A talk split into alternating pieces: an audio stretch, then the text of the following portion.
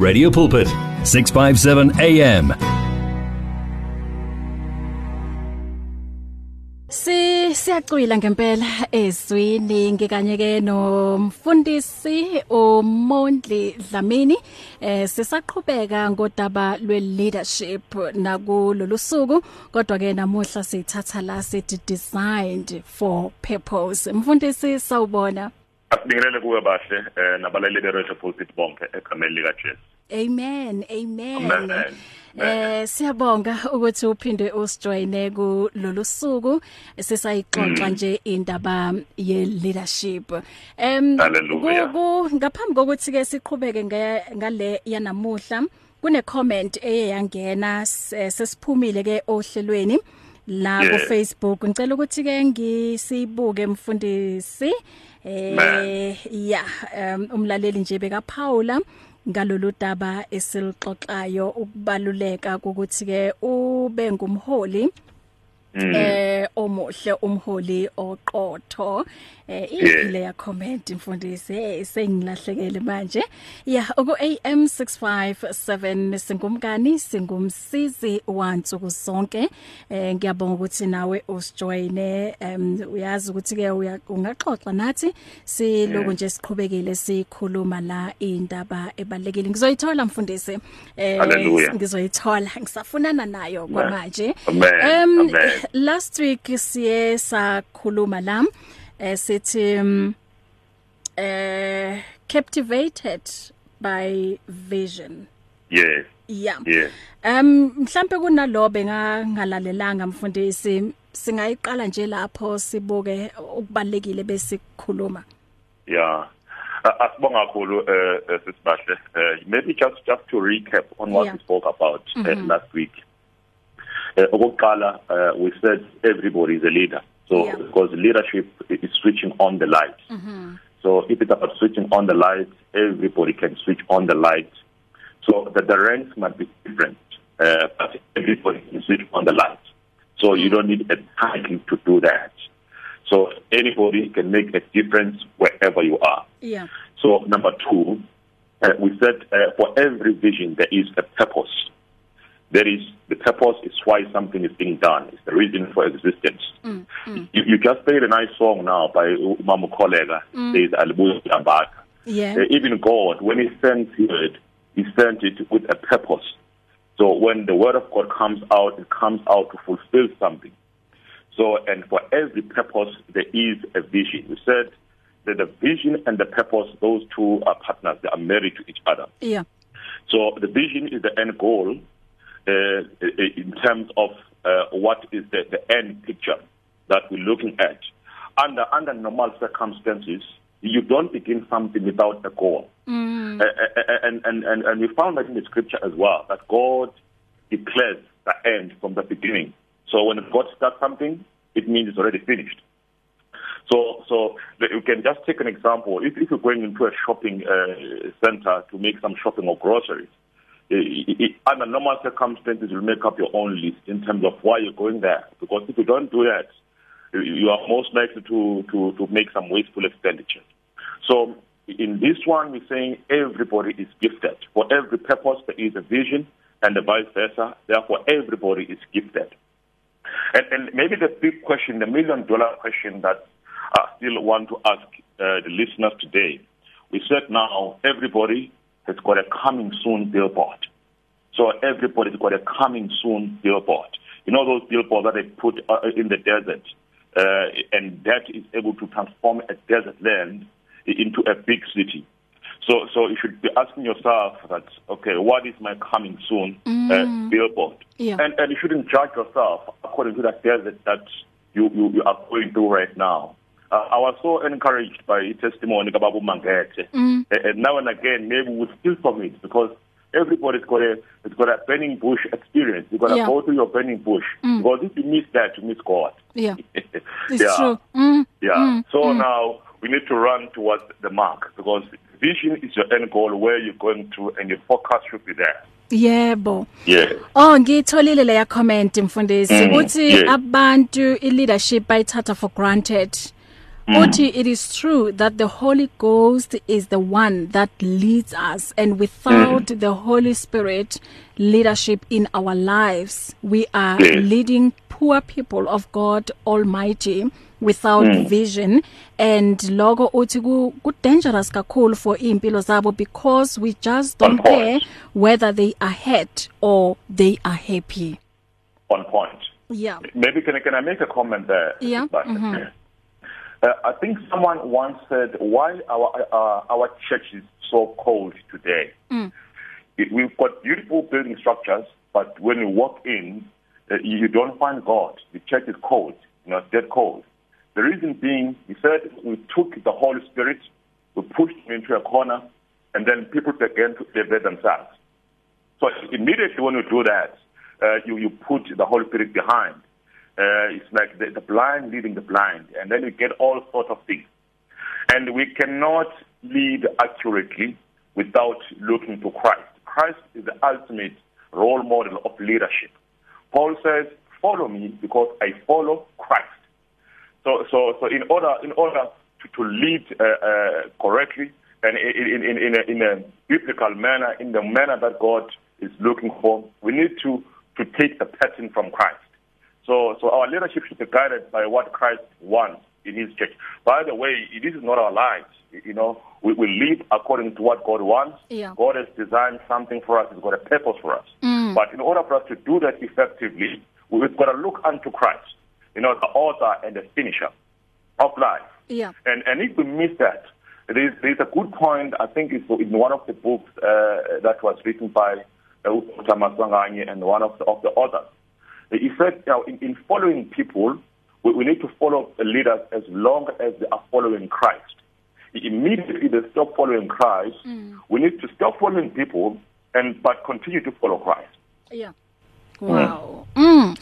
Yeah singena ke okuleya namuhla indaba Yes. sithi we were designed for i purpose wonke umuntu nje une purpose njengoba Exactly. ela emhlabeni and uNkulunkulu um ngempela unayo a specific purpose for Mm. each of us and ngesinsikhathi mfundisi abanye le leadership le bayenza a, a, a one man show umuntu uthola ukuthi manje usebenzisa ama powers ukuthi ngibekiwe kulesi sikhundla I'm a leader. So manje yonke into kumele bezwe ngaye abanye nje bayisebenzise eh, budlapha eh, leyo position yokuthi alide umuntu. So kahle hle uNkulunkulu usidaleleni mfundisi? Uh, I, I was reading a scripture uh, about, uh, I think about a week ago, Mm. uh, and I shared it with the saints. yeah uh, it, it, speak, it speaks about uh, Herod that at some point he, took a stand and he spoke to people, and then uh, after he has finished, uh, people they celebrated him, they worshipped him, uh, and God killed him instantly because he took the glory of the Lord. Mm. so, so if it becomes a one-man show, that's a death penalty. mm. So back on this subject now of, of the purpose. So everybody uh, is designed for purpose. Yeah. We, we need to get that clear. Mm-hmm. Nobody's a mistake. Mm. So maybe let's take a scripture from the book of Psalms 139, uh, verse 19.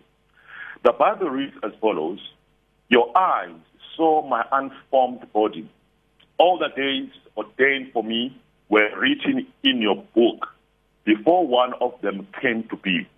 All the days ordained for me were written in your book before one of them came to be. So, so, so purpose determines the, the, the, the, the, design. It informs that design. God finishes, then he starts. So this says to us, for each and every person, there is a user manual in place, which articulates how this product which is used should be used. So you got that. Now there's a user manual in place for you in terms of the purpose which you came to serve on this earth. Last week we read a scripture which says, without God's divine guidance, you know, there's a disorder. Mm. There's, there's people that are living life without order. So you, you've got a record that was put by God that is in place for you before you came to be. That's number one.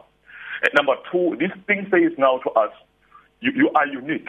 You've got unique fingerprints. If you were to go to Home Affairs now uh, and test, you'll see that there's no duplicate of fingerprints. So everybody is designed for purpose. You've got a defined scope and or let's say a boundary lines or a designated lane. I think in one of the book Paul says, I, I, I finished my race, I fought a good fight. So if there's anything that everybody should be striving for in this life, you should be striving for to finish your race. And within your race, within your, your boundary line or within your scope, you are given authority to rule and to have dominion. You know, when God created Adam and Eve, then he said, okay, have dominion, rule over the earth. So you've got a designated authority and a designated territory which you need to govern and rule according to the user manual for you which God has put in place. There, there, there, there is a, a, a saying that was mentioned by one of the elders, I think Reverend Mshope, one of the great men that I admire, Pastor Reverend Mshope, Ufana Mshope. He said the following, he said, in this life we are not writing the same exam paper. Uh, I'm just trying to define this thing of scope. In this life we are not writing the same exam paper. So what is good for you might not be good for me. You get what I'm saying? Yeah. So, so mm-hmm. just just what what what Ubaba Manget has shared just now, he mm-hmm. said, you know, everybody's got his own burning bush experience. Yeah. Yeah. Mm-hmm. That says now you, you've got a, a defined scope, and your scope is different to mine. So you govern and rule in your defined scope. Mm. And, and, and, and I think let's just mention this. Nobody under the earth has got an absolute authority. Yeah. Only God has got an absolute authority. What we have now here is a delegated authority yeah. to rule. And when we rule, we're saying, let your will be done on earth as it is in heaven. Mm. So, so, so it's not the other way around. Let your will be done on earth as it is in heaven. Mm. We need to take the pattern of heaven. We need to bring the, the heaven down on earth. So, so now, having said that, that means now we shouldn't be doing a copy and paste. You know, in our lives, you know, what the neighbor is doing, then you try and replicate that. Mm. So, so, so there's another a, a, a good uh, uh, uh, quotation by, by Mark Twain. It's cited by Bill Winston. He says there are two most important days in everybody's life. It's the day that you are born and the day that you, you find out why the day that you discover why you are born. That is the day you discover your purpose. Therefore, you are not a mistake. You are ordained by God to make a difference. And, and your purpose is above your circumstances, is above your painful experiences and any other challenges that you might have gone through in life. The purpose is there to elevate you. I want to touch on, on the other scripture, then we can just maybe wrap uh, the, the, uh, uh, uh, uh this, this subtopic. If, if you read uh, Jeremiah chapter 1, verse 5, I think it's, it's the most famous scripture. We love it. We read it now and again. Before I formed you in the womb, wow. I knew you. Mm. Praise the Lord. Before I formed you in the womb, I knew you. Mm. Before you were born, I set you apart. I appointed you as a prophet to the nation. You, you get what I'm saying? So, so now, what does this say to us, Bashe? It says, mm. okay, number one, let's just understand that you do not appoint someone into something that does not exist. Yeah. Are you with me? Mm-hmm. You, you, you, do not appoint someone into something that does not exist. Mm. Maybe rightly so, God has to allow us to be fired by people so that we can get back, you know, into His assignment. I love what uh, Bob Mangeta said. He said, fired by people but hired by God. Wow. yeah. Mm-hmm. Yeah, yeah. Because God does not appoint someone mm. into something that does not exist. Yeah. Therefore, there is an occupation in this life mm. which requires your contribution, mm. your talent, your gift. You know. And now you might be looking all over because maybe you might have not discovered, you know, what you, you came to do, what you came to fulfill on this earth. So Mm. let's just agree now that uh, everybody is born for purpose or is born into a purpose. Purpose goes beforehand. Mm. You know, it goes before you. It's older than you. God saw a need in this earth which needs to be fulfilled, and then He designed you to come and fulfill it or fulfill that gap. So you are born into something that already exists, and there's no other way around that. Yeah. Mm-hmm. And when your purpose comes, it comes to uplift you, uh, to uh, lead, to uplift your standard of living, and also to bring you into a better place. Mm. Mm-hmm. Wow. Um mfundisi njobo ushilo ukuthi singabantu we are unique.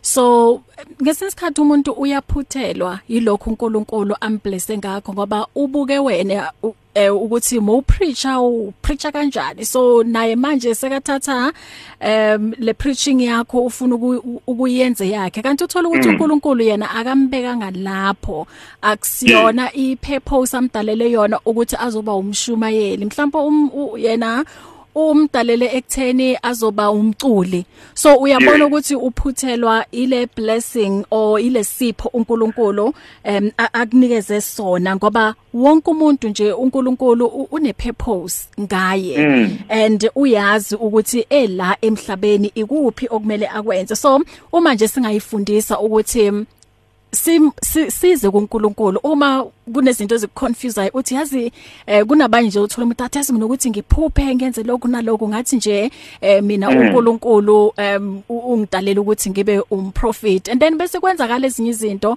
athi hayi cha ngathi angisiye nomprofit ngathi mina uNkulunkulu ungidalele lokho so mhlawumbe omunye angabuza ukuthi mina ngazi kanjani ukuthi ipurpose yami iyini ngila emhlabeni?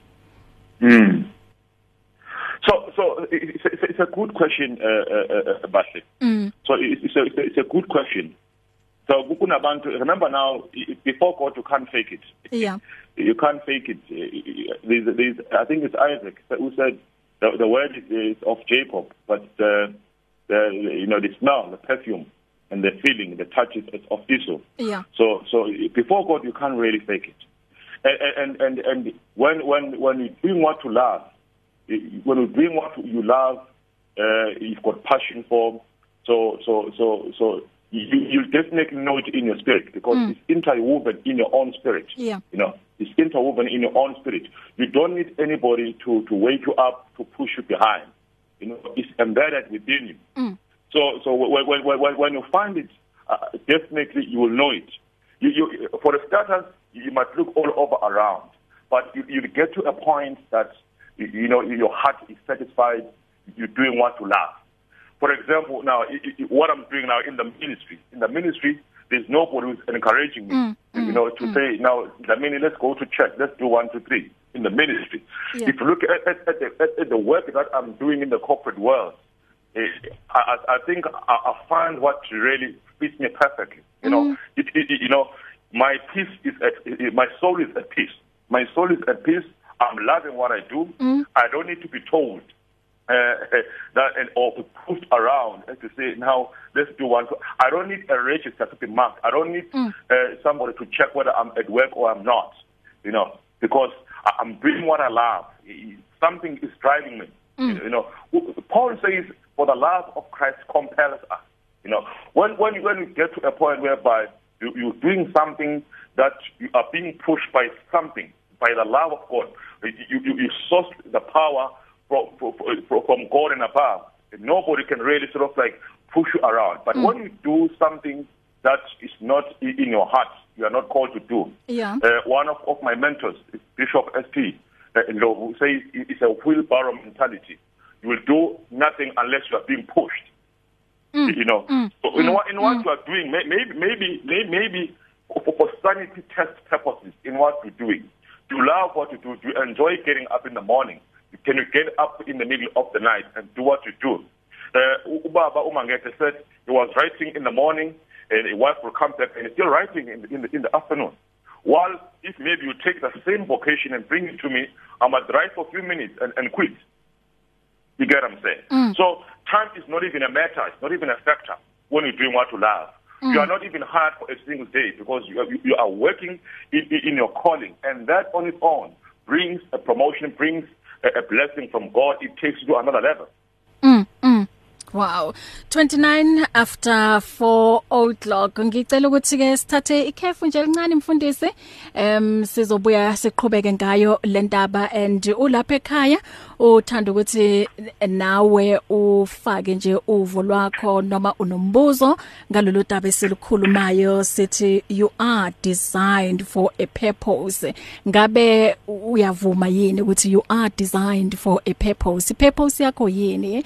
Em njengoba ke ekudalile uNkulunkulu ukudaleleni mzalwane. Ngabe uyayazi yini ipurpose yakho la emhlabeni? Ngoba mfundisa yikho into eh okuwukuthi iya frustrator ungumuntu uphila nje kodwa ungazi ukuthi purpose yakho yini. Iya frustrate impela ngoba ugcina uthathwa umoya uma uyangala nawe uyakhona. And uthola ukuthi mhlambe kukhona okwenzayo uyaboreka nje within maybe 2 months 3 months uyenza leyo nto. Bese ke umoya uyaphinda futhi uyangala ku left uyangapho nawe.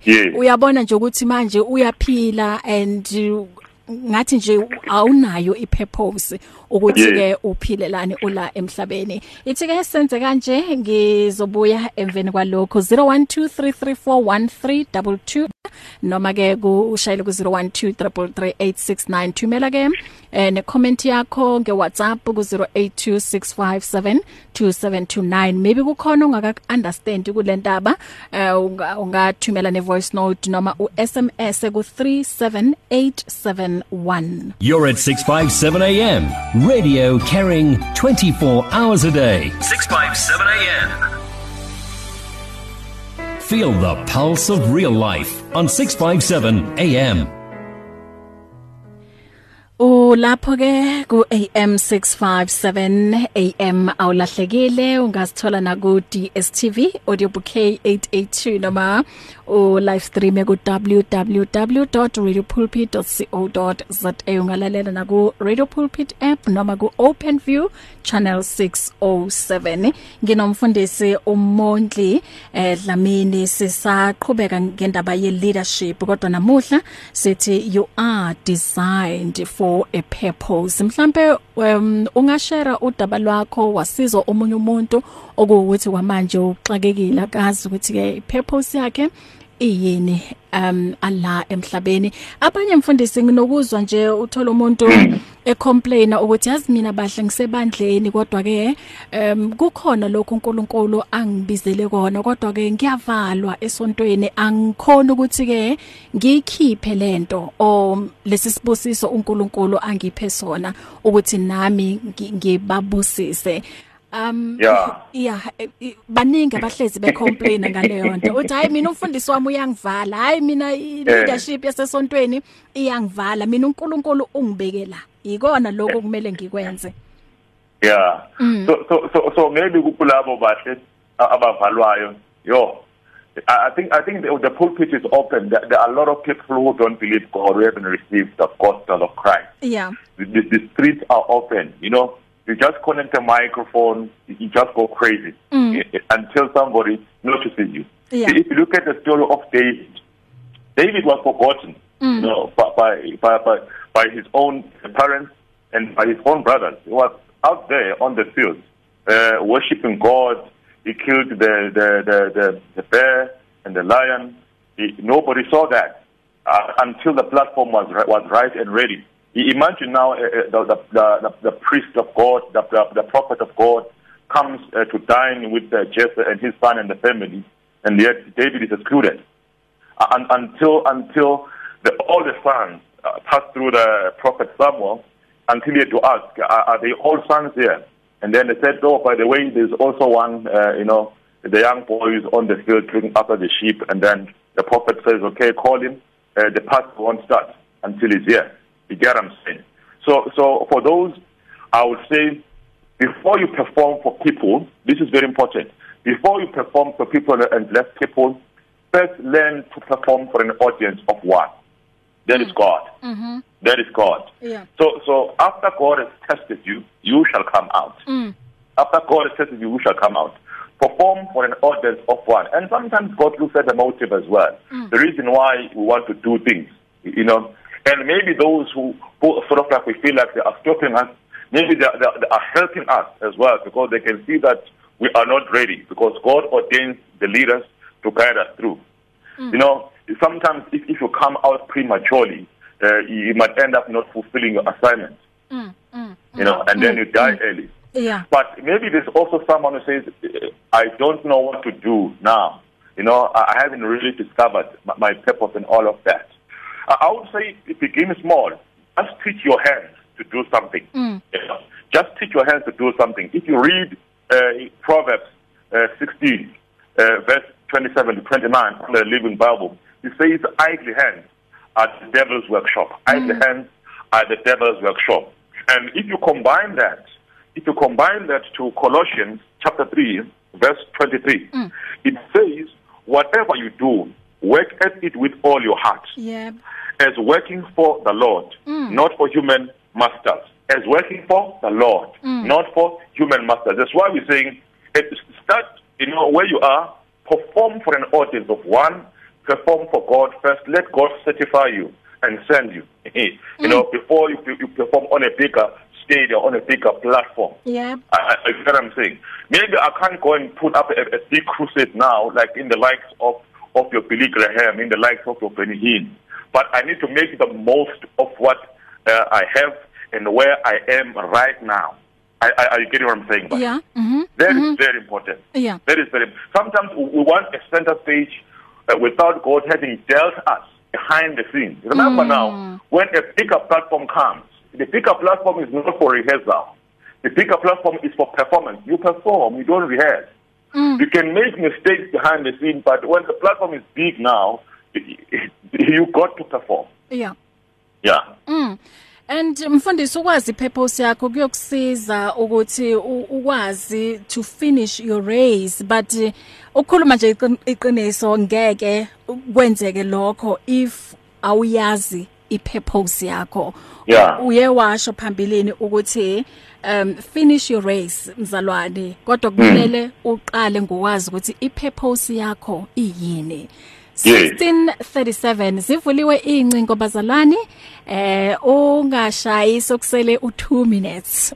Ngoba ngeke uthola ithuba lokuthi mhlawumbe ukhulume lokho ongathanda ukuveza kulolu daba noma ke unombuzo uthanda ukusizakala uma kuza kule ndaba ye purpose 0123341322 noma ungashayela ku 0123338699 sinawe ke until kuze kuyoshaya ihora lesihlanu ngikanye nomfundisi um umondli Dlamini. Sikhuluma la udaba sithi you are designed for a purpose. Ngabe uyazi wena ukuthi ipurpose yakho iyini? Uthole kanjani ukuthi mina ngisendaweni eright la ngikhona and ngenza lokho ngempela uNkulunkulu angidalele kona? Khuluma nathi 0123341322 0123338699 thumela WhatsApp na ku 082 um 657 2729 ithingenze kanje sisalindele ke incingo Many people across South Africa are being blessed and encouraged by the Radio Pulpit devotional magazine The Word for Today. This publication places the gospel of Jesus Christ in the hands of more than 100,000 people every day, inspiring every person, from the professional businessman to the needy person who lives on the streets. Each edition contains daily scripture based devotionals and inspiring articles to help you grow spiritually. The booklet is given with the compliments of Radio Pulpit, but your donation, large or small, will help us to print the next edition and continue being the hope of the gospel to a world in desperate need. The word for today. Get yours today on 012 334 1200 or subscribe online at www.radiopulpit.co.za. Radio Pulpit, your daily companion.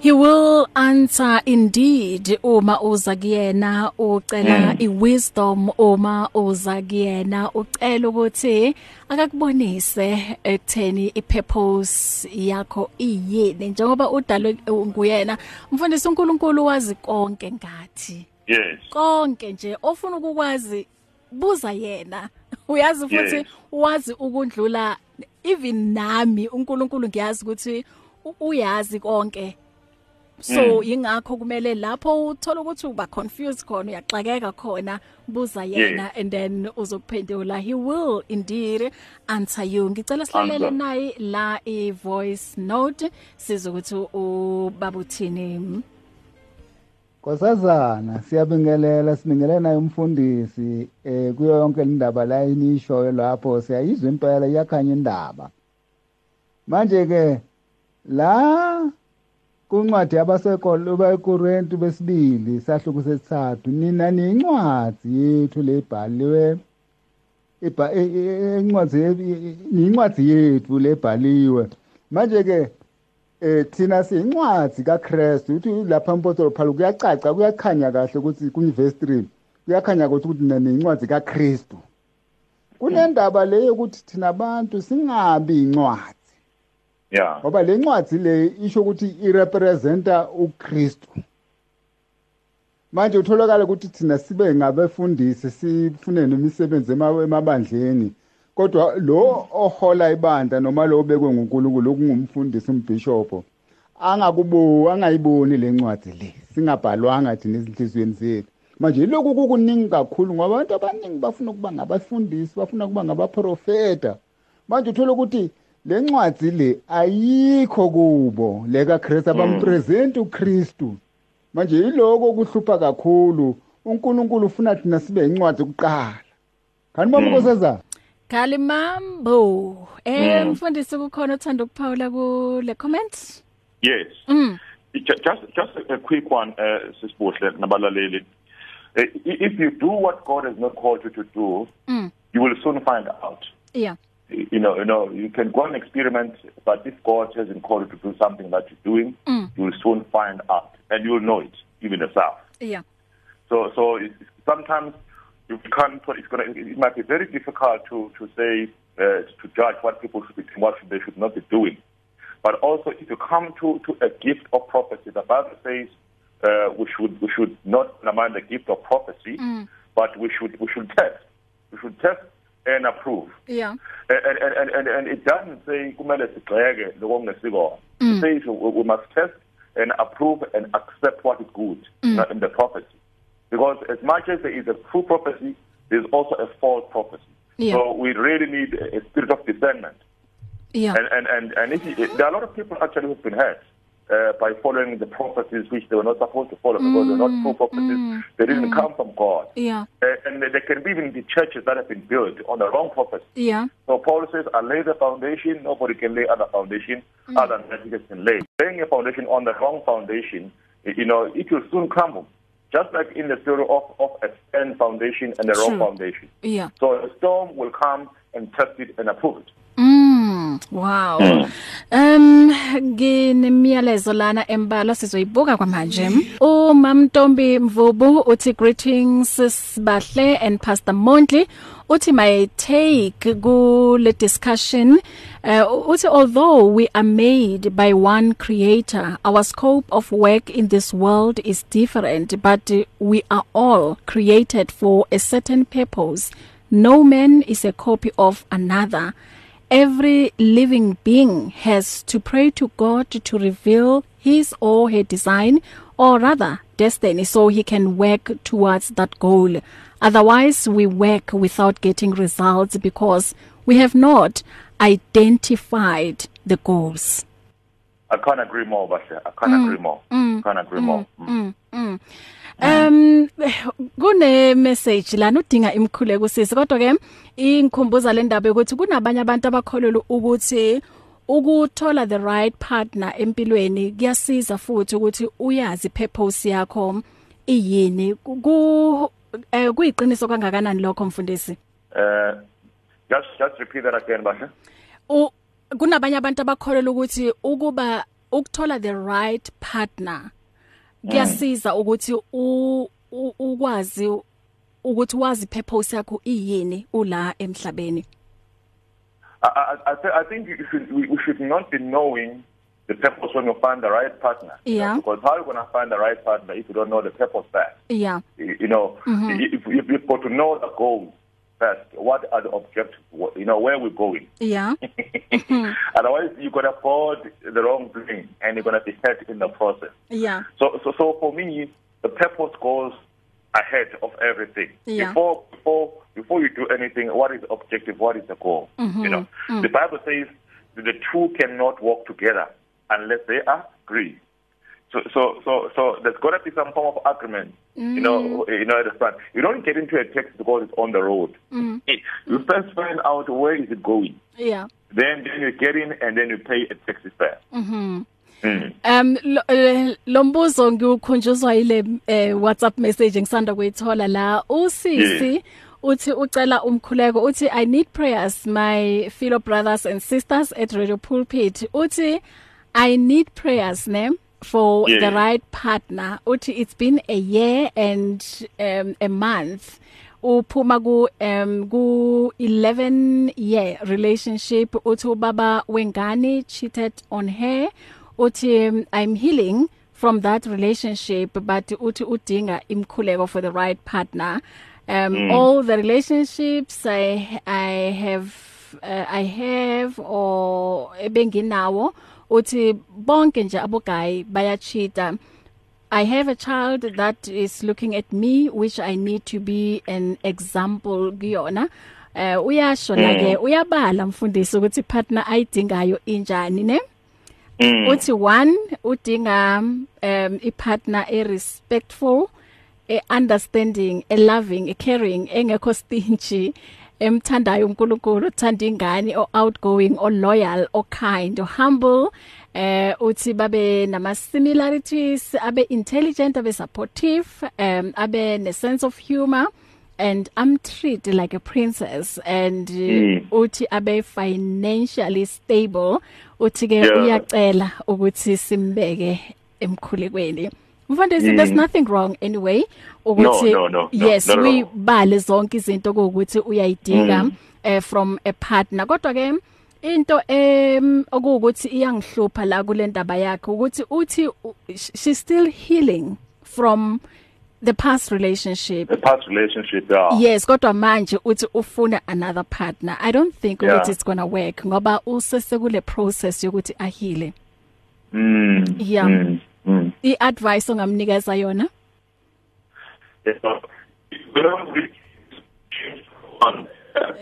It says yeah mm, every good and a perfect gift is from above, yeah coming down from the Father of the heavenly light, mm, who does not change like shifting shadows. Mm. So, so, so, so.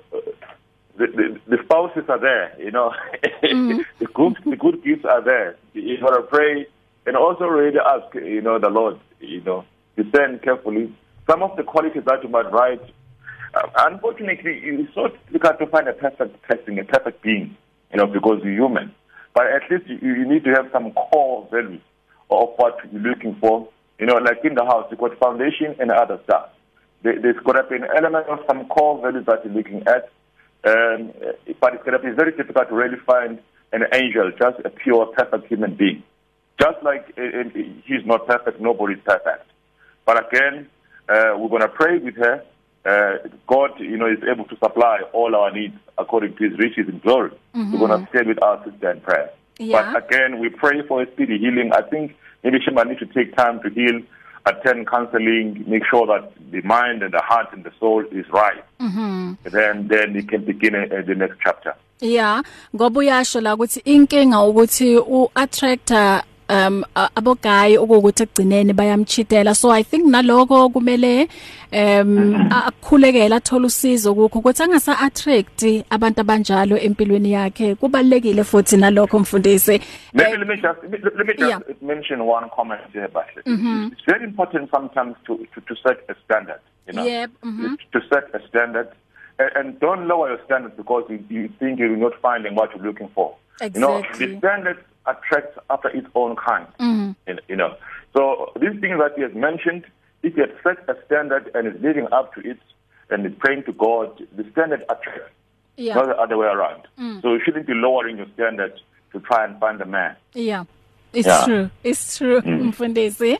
Em kodwa ke sisi sizokhuleka nawe. Yeah. Yeah ngoba umkhuleko unamandla and Mhm. siyakholwa futhi ukuthi lapho sikhuleka ngama motives are right uNkulunkulu eh uyayiphendula ngempela Exactly. imikhuleko yethu em kunomunye umyalezo lana uthi em me bahle umfundisi ukhuluma iqiniso uma ethi uh, we must perform for uNkulunkulu kuqala. Uthi uNkulunkulu ubona izinto ezisemfihlakalweni angikaze ngicabanga ukuthi enkonzweni banganginika ithuba lokusebenzela uThixo because siyazi ukuthi einkonzweni kunabantu eh kunabantu bakhona ababekelwe imisebenzi kaThixo noma bangahambi ngendlela kaJehova.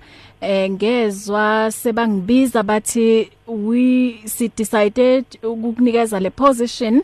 Ngamangala eh, umsebenzi em owenzwa uThixo ezimpilweni zethu uthi eh masimu oh ma, masihlale kuyi ya.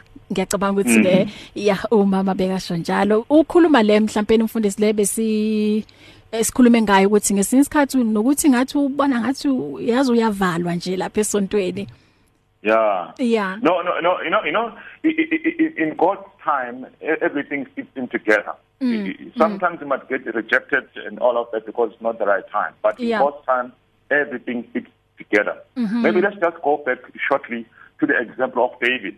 Yeah When, when, when, when the Israelites were fighting the, the Philistines, nobody ever knew about uh, David. Even Saul never bothered about the house of Jesse. But when David was going against Goliath, a, a question he was asked by the king, whose son is that? Whose son is that? Even the commander of the army never even knew David. Get what I'm saying? So God at the right time is able to put, remember now, the Bible says time and opportunity. Are you with me? Time and opportunity happens to them all. That is Ecclesiastes chapter 9 verse 11. Time and opportunity happens to them all. You know, you know, in this world, the fastest runner do not always win the race. You know, the brave do, do not always win the battle. But time and opportunity happens to them all. Sometimes the breakthrough comes when you are at the right time and the right place doing the right thing.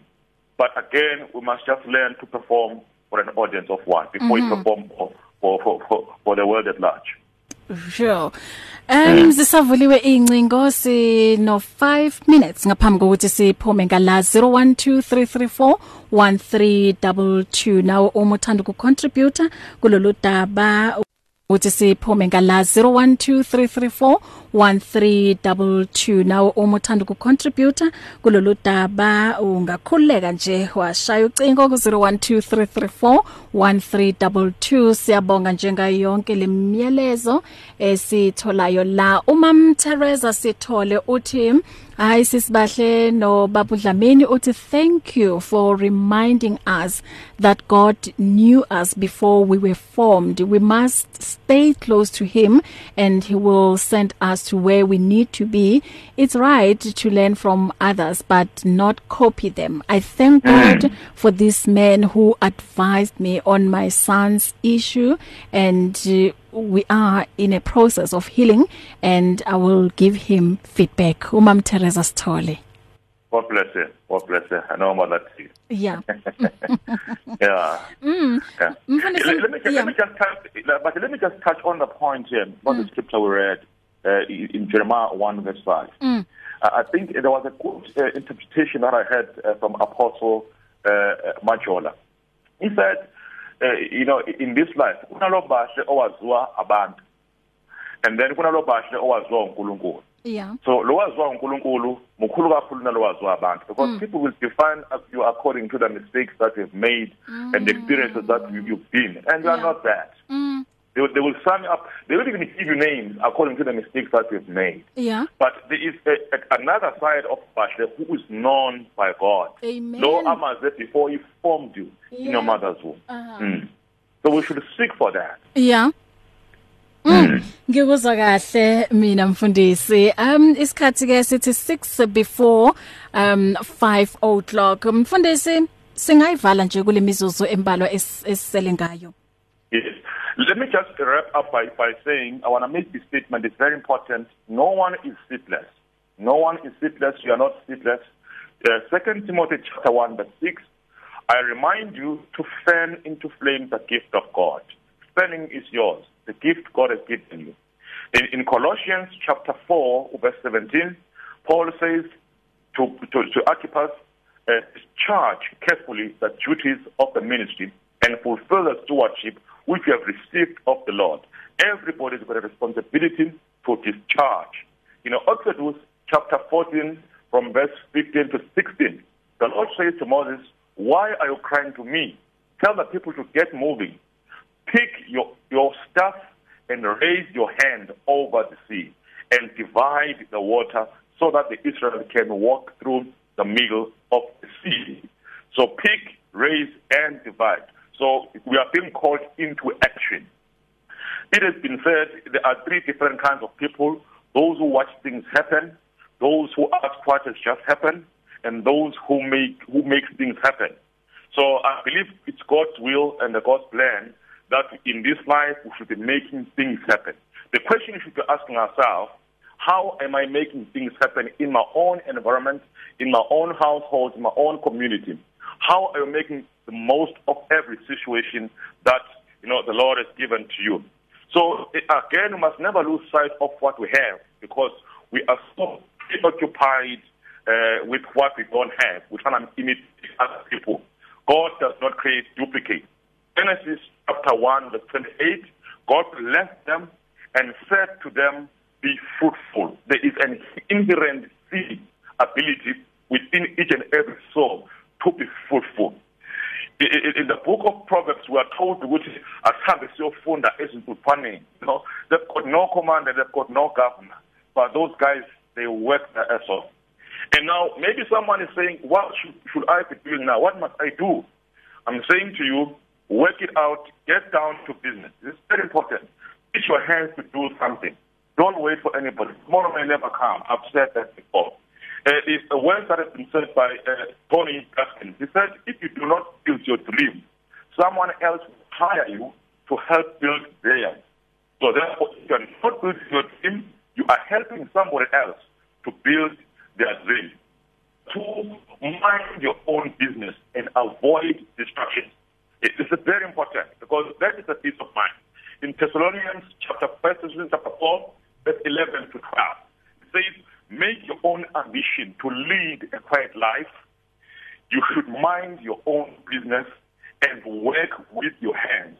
I think, I think as a first step, let's just get our hands into work. It has been said that, uh, about the Asian people. Uh, I just want to highlight a principle here. Mm. It has been said the reason why Asian people are successful wherever they go in the world is because they go into a country, they go in looking for business opportunities instead of job opportunities. I get it. I get what I'm saying. Mm, they mm, look for mm. business opportunities instead of job opportunities. If you look at the, at, at the way you've been trained, is that you go to college, you go to school, and then you, you, you get a qualification, then someone must, must hire you. Mm. Got a huge line of unemployment rate out there yeah. because everybody's looking for a job, mm. but nobody is looking for business opportunity. Mm. And, and, and we don't even know who came with this concept of retirement, that at the age of, so, you know, 63 or 65, you should retire. Who said that? Mm. If you read Exodus chapter 14 from verse 10 yeah. 11, Caleb said, Today I am 85 years old.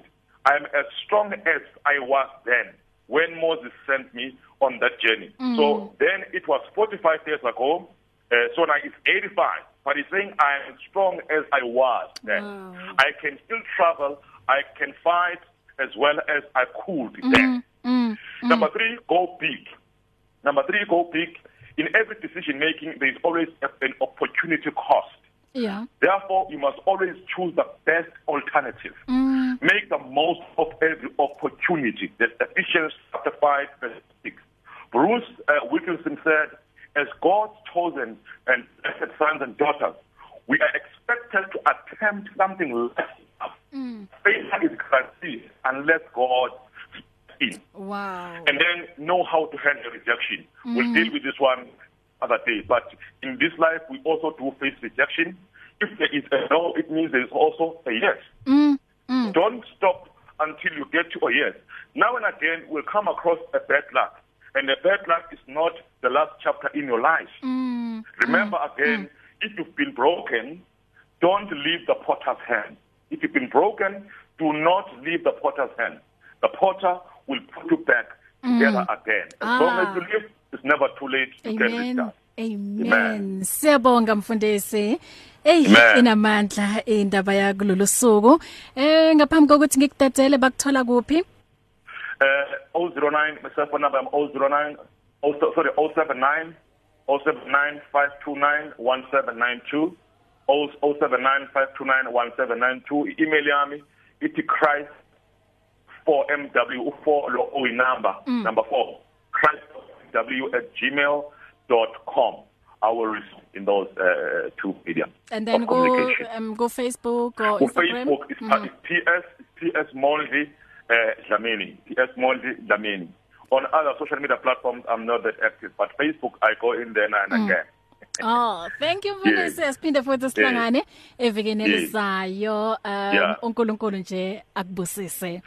Thank you very much, Bahle. A big shout out to my family, uh, Tom Futi, Lindy, my nephew, Uba- Uba- U- Bahle, and uh, the whole Heavenly Season family, church family. We love them Amen. so much. God bless you. Bless you mfundisi. Pleasure. Mm. Give- Ya yanamandla ke i- i- indaba yanamuhla ithi ke ngikushiye kodwa ngikushiye wedwa ukhona uPastor Ray Lehodi uzoqhubeka nawe njoba selishayile ihora lesihlanu until 7 o'clock. Ngiyabonga nje kuwo wonke ama guest wami ngibonge ku uh, Bhuti Nkululeko Khanyi ngibonge kakhulu nalapha ku baba uMangethe bonganizwani. Em kanti ke ungisanda ke ukukhuluma la nomfundisi uMondli Dlamini. Siyabonga kakhulu. Pastor Ray Lehodi nangu ke uyeza. From your ear to your heart to your mouth to your feet. Join this life on 657 AM.